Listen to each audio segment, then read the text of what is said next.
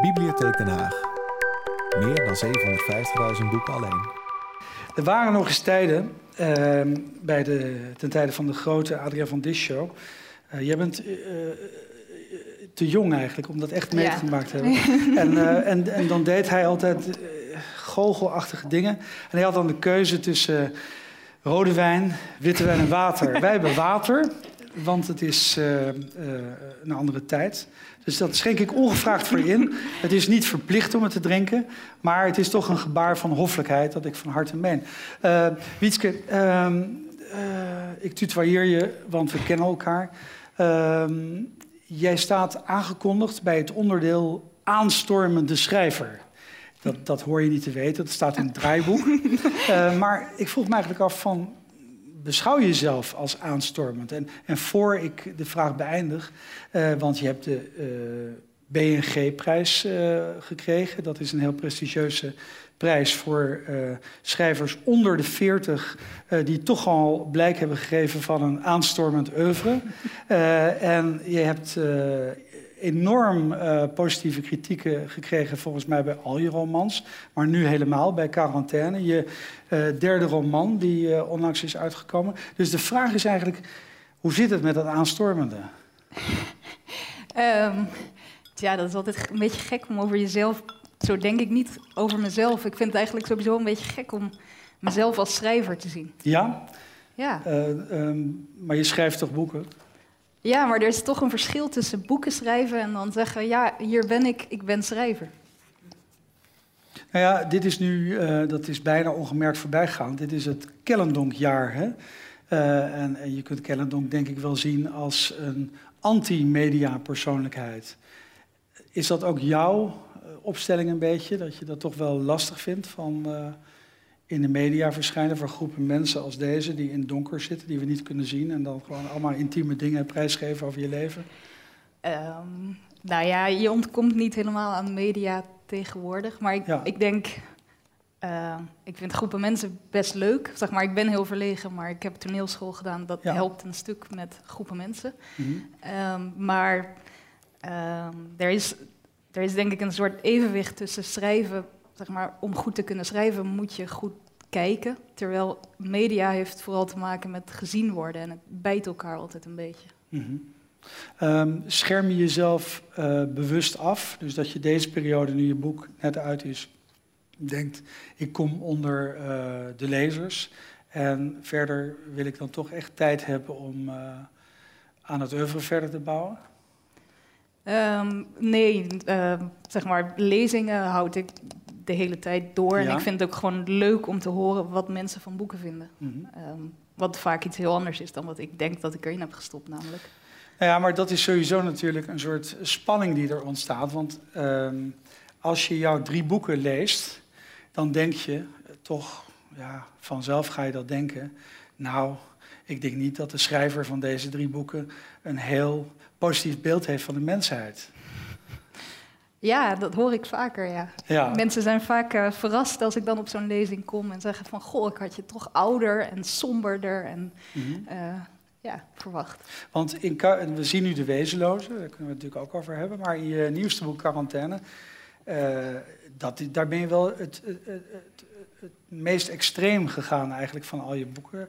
Een oudere plastisch chirurg die terug kan zien op een huwelijk dat niet geweldig is. Ik meen, maar ik ben altijd slecht in citeren uit mijn hoofd, dat hij zijn vrouw toch vergeleek met een gestrande zeekoe. Walvis, en ja. Een walvis, kijk, daar heb je het al, daar ga je alweer de fout in.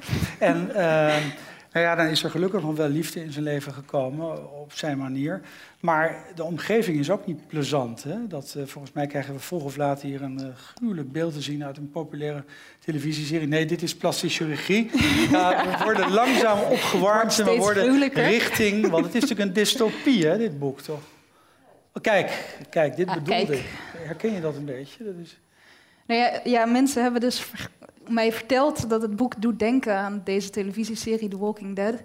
Nou heb ik zelf de televisieserie nooit gezien, dus ik moet dat... Nou ja, het, is een, voor degene onder u, en ik neem het u volstrekt niet kwalijk als je dat niet weet. Uh, die, uh, het is een televisieserie die gebaseerd is op een populaire Amerikaanse strip. En het gaat over een groep overlevenden in een toekomstige tijd. Het is geen science fiction, het kan heel dichtbij zijn. En die iedere keer dat ze denken ergens rust gevonden te hebben en veiligheid, dan zijn er nare, akelige zombies die het op hen voorzien hebben. En uh, er komt geen zombie in je boek voor, maar het is wel, deze man verlaat natuurlijk liever niet zijn huis. Het is een totaal wetteloze tijd. En daarbuiten zijn plunderaars en heeft niets meer te verwachten eigenlijk van de mensheid. Vandaar dat ik een dystopie noemde. Dat, waar, waar komt het uit voort? Hoe kwam je op dat idee eigenlijk? Nou, ik kwam eigenlijk op het idee om. Uh, ik las een artikel over ebola en er stond.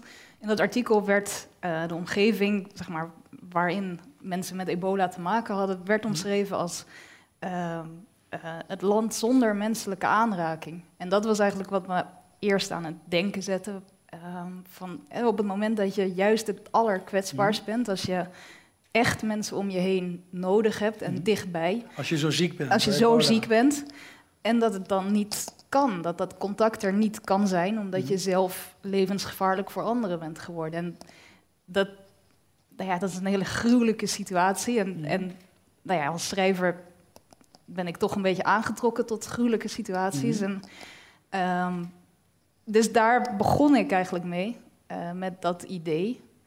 En toen had ik een halve pagina geschreven over die ziekte die Nederland binnenkwam. Want ik dacht van ja, het kan het ergens anders laten afspelen, maar dan ja, dat zien we elke dag op het journaal. En, ehm, maar ik had een halve pagina geschreven en toen kwam opeens een personage en zei van ja, maar ik was net met iets heel anders bezig. Maar ja. Dat personage zei dat? Ja. Dus dan ben je eigenlijk een medium als schrijver of, uh, of een intermediair, hoe moeten we dat zien? Dat?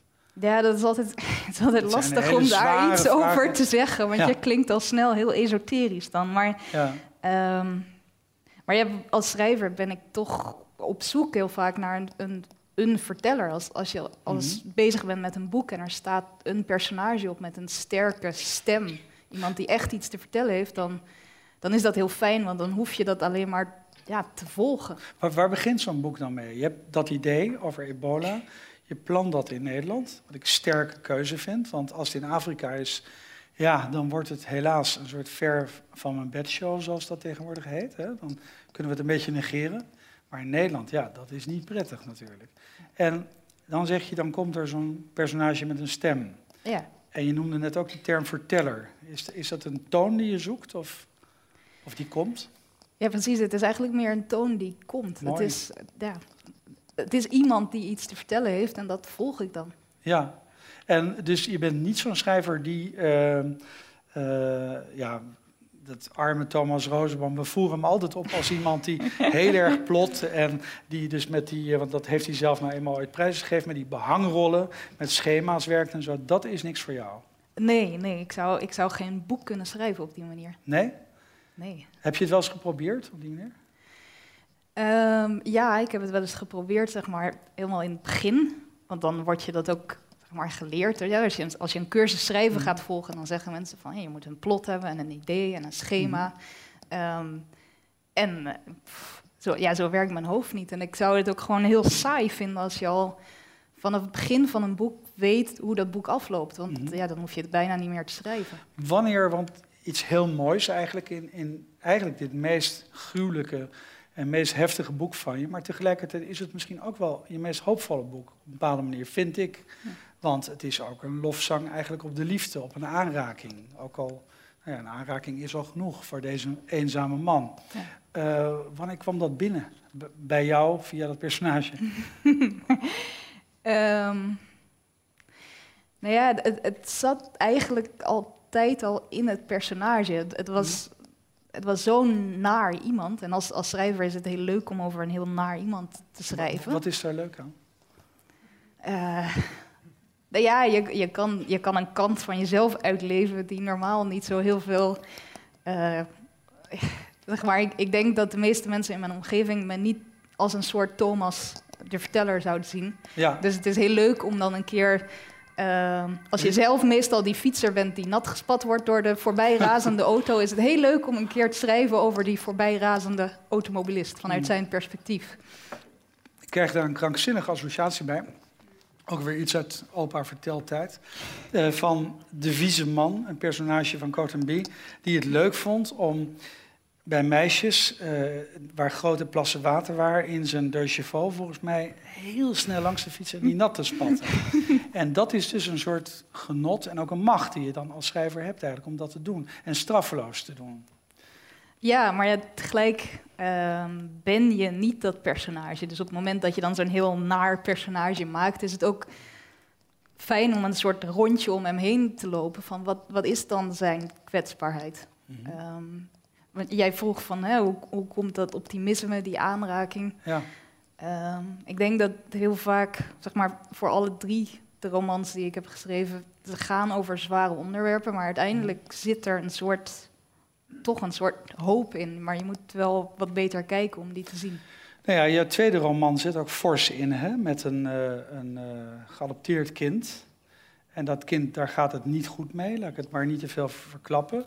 Uh, en je vermoedt dat de moeder, dus de, de, niet de biologische moeder, maar de, de moeder die de moederrol er even lang heeft gehad van dat kind, dat die wraak gaat nemen op degene. Maar dat gaat helemaal niet gebeuren op een bepaalde manier. Of vergis ik me? Heb ik het verkeerd gelezen? Dat kan natuurlijk. Dat je het uh, anders nee, je vergist je niet. Ja. Um, ja, dat, dat is ook een personage dat begint vanuit. Nou ja, we kunnen wel beginnen. We kunnen wel weggeven dat het rouw is, dat het kind ja. overlijdt. Dat staat op de eerste pagina. Dus dat, dat, uh, mogen, we dat mogen, we weggeven. Ja. Um, iemand omschreef mij dat boek als van hey, je gaat een donkere kamer in, maar geleidelijk komt dat plafond steeds een beetje hoger te liggen. Steeds benauwder wordt. Nee, juist, er komt langzaam iets meer ruimte om te ademen. En ik. Mm vond dat wel een hele mooie omschrijving. En um, nou ja, ik word wel aangetrokken door die zware thema's, omdat er op zoveel plekken is dat hele simpele verhaal over mensen die gelukkig zijn. En als je nou maar dit koopt, dan is je mhm. leven in orde. Um, terwijl ja, bij Boy dan bijvoorbeeld, iemand mhm. die zo machteloos zit omdat ze gewoon niet uit haar eigen rouw kan komen. Ja. Dat gebeurt met mensen. Ben je een is een intieme vraag, maar we zitten hier toch, uh, of als we kijken naar het duister, we kunnen alles zeggen, vragen. wij zien niks. Er is niemand bij. Um, ben je ook een heel ander persoon als je schrijft? Stel dat je, ik weet dat je een, um, een levenspartner hebt, uh, als die je aanspreekt, ben je dan ook onaardig? Als je over deze Thomas, deze mismaakte plastisch chirurg schrijft die niet leuk is, ben je dan nog Word ik dan onaardig? Uh, of ben je dan al? nou ja, niet dat, dat ik het weet. Je zou het, om het zeker te weten, natuurlijk aan anderen moeten vragen. Uh, nee, ik denk het niet. Ik, mm -hmm. ik heb wel een zwak gekregen voor Thomas ook. Mm -hmm. Is het moeilijk om, uh, want je laat je dus verrassen door deze personages. Uh, is het moeilijk om afscheid van ze te nemen als, ja, als het verhaal af is? Ehm, meestal niet. Eigenlijk had ik bij deze hele nare Thomas voor het eerst dat hij, terwijl het boek af is, het verhaal af is, dat hij af en toe nog opduikt. Zo van, goh, zou het met me gaan? En, en zou dat? Nee, dat kan natuurlijk niet. Hè? Ja. um, je bent begonnen als wetenschapper. Dat lees ik altijd in, mhm. als, er, als er stukken over je geschreven worden en zo. Je hebt ook een non-fictieboek geschreven, dat volgens mij ook nog bejubeld is. Um, waardoor ben je fictie gaan schrijven? Um, strikt genomen ben ik ook nog steeds wetenschapper. Ja, zo verdien je ehm, brood waarschijnlijk. Zo verdien ik ook mijn brood. Maar ja, ja. Um, ja ik heb altijd heel veel gelezen. En ik wilde als kind wilde ik altijd een omnibus schrijven. Um, ik had geen idee wat dat was, maar ik wist dat het heel dik was. En ik hield zelf van hele dikke boeken. ja, dus ja, het zat er altijd een beetje in. Ik hou heel erg van verhalen. Ja. Wat is het verhaal waar je jaloers op bent? Wat je had willen schrijven? Um, er is niet een verhaal op dit moment dat ik had willen schrijven. Ik heb wel nog zo ideeën voor nog een stuk of vijf boeken. Vijf nu al heb je in je hoofd? Uh, ja, zeg maar niet uitgewerkt, maar wel waar ik iets mee wil doen. Ja. Uh, maar ik wil ooit nog wel eens. Lijkt me mooi om een keer een boek te schrijven over twee mensen misschien. Die gewoon heel gelukkig zijn en waarin eigenlijk niks gebeurt. Mhm. Ehm, ik denk dat dat heel erg moeilijk is om dat op een goede manier ja, te doen. Ja, dat is natuurlijk. Eh, er zijn niet veel schrijvers die dat geprobeerd hebben. Dus uh, puur geluk. Ik geloof dat Martin Bril dat probeerde met een roman Voor de Wind. Nou, die werd niet goed ontvangen. Men vond het dat er niks gebeurde en zo. Maar ehm, waarom zoiets eigenlijk? Nou, dat je eigenlijk zoveel ondermijning hebt laten zien van alle mogelijke relaties, alle mogelijke gelukken in je boeken. Tot nu toe, bij deze ja. Uh, nou ja, om, toch om wat ik net zei, van ik vind... Ehm, in, in de boeken die ik tot nu toe heb geschreven zit veel ongeluk. Maar dat is ook, uh, ja, dat is ook een deel van het leven. En het is een deel wat niet zo heel vaak aan bod komt in de publieke ruimte, de mhm. debatten. Ehm, en met geluk, als ik zeg, ik wil graag een boek schrijven, ooit, want ik denk dat dat nog heel lang duurt, ehm, waarin mensen gewoon gelukkig zijn, bedoel ik ook niet, zeg maar, je, je hebt een beeld van geluk, wat, wat ja, een beetje opgeklopt is, zoals we het heel vaak gepresenteerd krijgen. Maar ehm, echt geluk is natuurlijk iets wat je maar heel zelden ervaart. Dus misschien moet ik gewoon zeggen over mensen die gewoon leven zonder dat er iets gebeurt. Met, mhm. ja, met alle kwetsbaarheid en schoonheid. En ze hebben dan wel het besef dat ze gelukkig zijn. Nou ja, misschien ook nog niet eens. Want dat is natuurlijk meestal het geval, hè? dat mensen eh, na een periode waarin het leven rimpeloos verliep en ze zijn terechtgekomen in een periode waarin het leven minder prettig verloopt, denken van ja, toen waren toen we gelukkig. was ik gelukkig. Ja. Ehm, zou jij het, want je ontmoet bij meer gelegenheden lezers. Helemaal aan het eind van het programma is er een uh, mogelijkheid tot signeren en dan worden vragen aan je gesteld. Zou jij het mensen aanraden om te gaan schrijven? um, ja. Ja, waarom? Hmm, omdat ik denk dat schrijven uiteindelijk gaat over het zoeken naar je eigen stem. En ik mhm. denk dat dat de moeite waard is. Mhm. En kan die stem veranderen? Um, ja, want iedereen verandert. Ik, bij mij is een boek het, eigenlijk een weerslag. Je, je stelt jezelf open mhm. um, en je laat de wereld zeg maar, door je heen gaan. En uiteindelijk komt dat in een boek uit op de een of andere manier. En, en omdat je zelf verandert, zal iets in je stem ook veranderen. Um, lees je nog wel eens terug in je eerste of je tweede boek? Je derde boek zul je regelmatig iets voorlezen. Maar pak je ze dan wel eens uit de kast en lees je erin? Uh, niet voor mezelf, nee. Niet voor mezelf, want je hebt dat in je hoofd. Ja, je, hebt dat in je hoofd en je, je leest ze zo vaak op het moment dat je ze aan het schrijven bent. Ik in elk geval, want omdat ik niet weet van tevoren waar een boek over zal gaan, um, ja, moet ik dus de hele tijd in cirkels schrijven en weer mhm. vanaf het begin. En dan, dus ja, als het boek er is, is het, is het er. En het is ook een beetje gek dat op het moment dat een boek in de winkels komt te liggen, ja, is het eigenlijk al niet meer van mij. Mhm. Zullen we het boek nu helemaal naar jou terughalen? Ja, als je dat wil doen hoor. Zou je een stukje willen voorlezen? Ja, is goed. Oké, alsjeblieft. Gewoon het begin? Dat lijkt me handig, ehm, want dan kan iedereen eigenlijk meteen het verhaal uh, direct in. Ja, dat is prima. Oh. De ziekte kwam toen niemand er meer op gerekend had. Het eerste geval werd niet opgemerkt of veel te laat. Dat was iets waar de kranten over discussieerden. Rituele uitingen van ongenoegen. Die eerste maand dachten de media nog dat er een onderzoek zou komen. Er werd nog gesproken van kamercommissies. Hilarisch, achteraf gezien.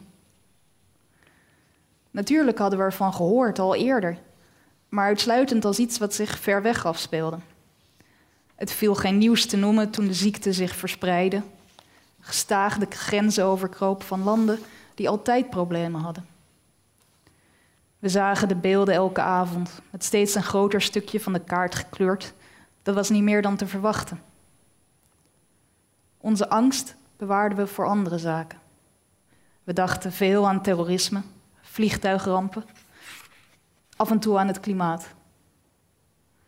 Nog altijd bevond de ziekte zich op een ander continent, totdat dat plotseling niet meer zo was.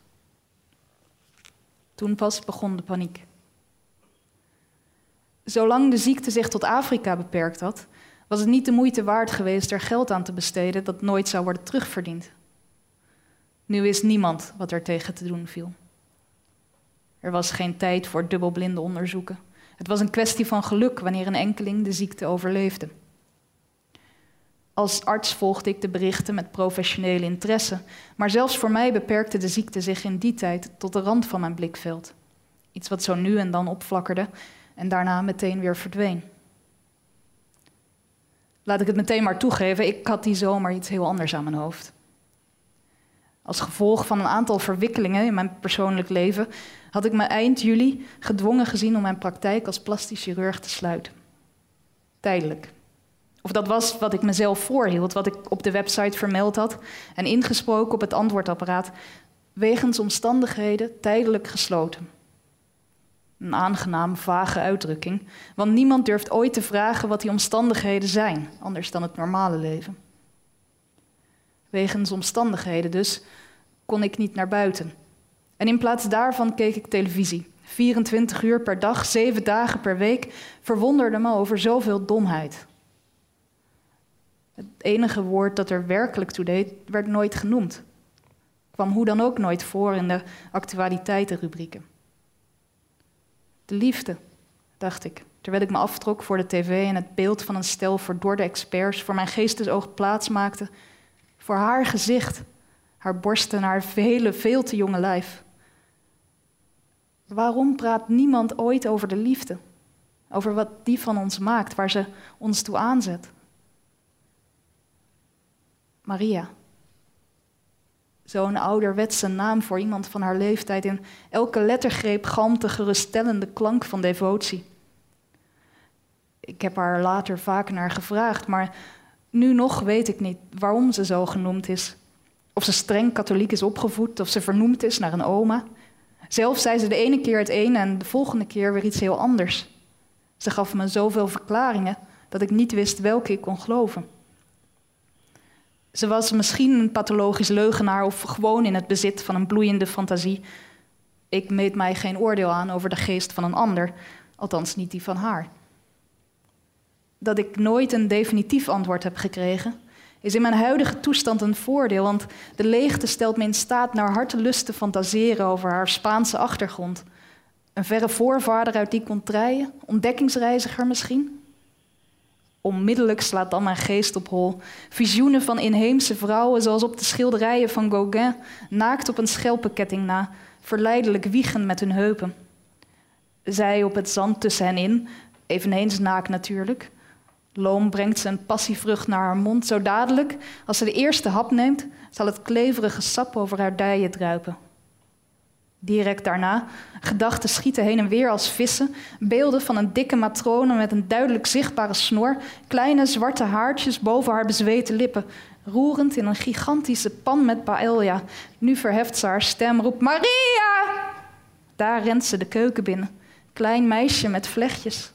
Om de een of andere reden zie ik een hond die om haar heen springt, als op een middeleeuws schilderij. Bleek licht van de TL-balken en alle tafeltjes bedekt met plastic zeil. Dan het schemerige licht van een moeilijk vindbaar zaaltje, ergens in een Argentijnse stad. Het ongegeneerd seksuele ritme van de tango dringt door een steegje heen. Zij met blote rug tussen de dames op stiletto-hakken. Iemand schenkt de sterke drank, er klinkt geschreeuw wanneer er bloed vloeit. Ah, had ik haar daar kunnen ontmoeten. Het mooie is eigenlijk dat uh, uh, wij net een stem hoorden van een portofoon. Ik kwam een beetje buitenwereld binnen. En ik kon me des te beter voorstellen hoe jouw hoofdpersoon dit in een kamer eigenlijk allemaal zegt. Een eenzame stem in een kamer die heel mooi was. Dankjewel. Gedaan. Okay.